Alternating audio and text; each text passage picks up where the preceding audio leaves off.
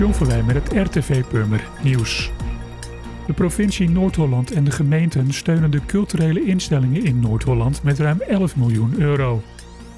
Culturele instellingen in Purmerend krijgen meer dan 7 ton aan noodsteun.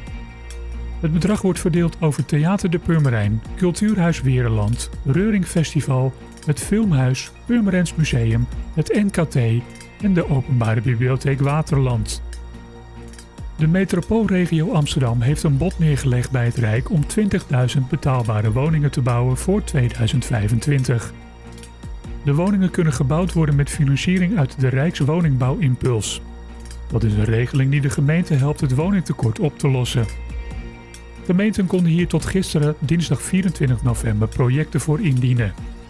Het is nu aan het Rijk om te bepalen of de palen de grond in kunnen. Voor Purmerend gaat het om een toevoeging van 632 woningen in de Weermolen Oost. Gisteren ging de campagne Statiegeld op blikjes Yes We Can van de Statiegeldalliantie van start. Meer dan 100 gemeenten en bedrijven in Nederland en België voerden vanaf gisteren actie om statiegeld te heffen op blikjes. Ook de gemeente Purmerend sloot zich drie jaar geleden aan bij de Statiegeldalliantie.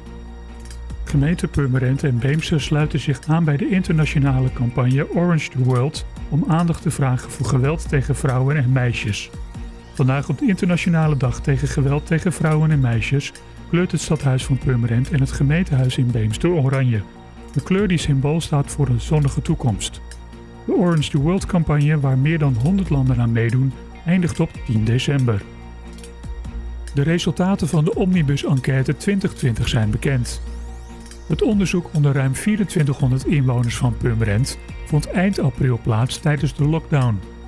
Daarom is een aantal thema's in de vragenlijst aangepast om te achterhalen hoe Purmerenders deze situatie beleefden. De Omnibus-enquête wordt sinds 1990 gehouden en vormt een leidraad voor het te voeren beleid in de gemeente Purmerend. Nu vuurwerk is verboden, is er veel vraag naar karbiet en melkbussen, noodzakelijke ingrediënten voor karbietschieten. Sinds 2012 is karbietschieten in Purmerend echter verboden. Burgemeester Bijl voert overleg met de buurgemeente om gezamenlijk op te trekken en zegt dat een aanpassing van de APV niet ondenkbaar is. Meer nieuws op de site en de Facebookpagina van RTV Purmerend.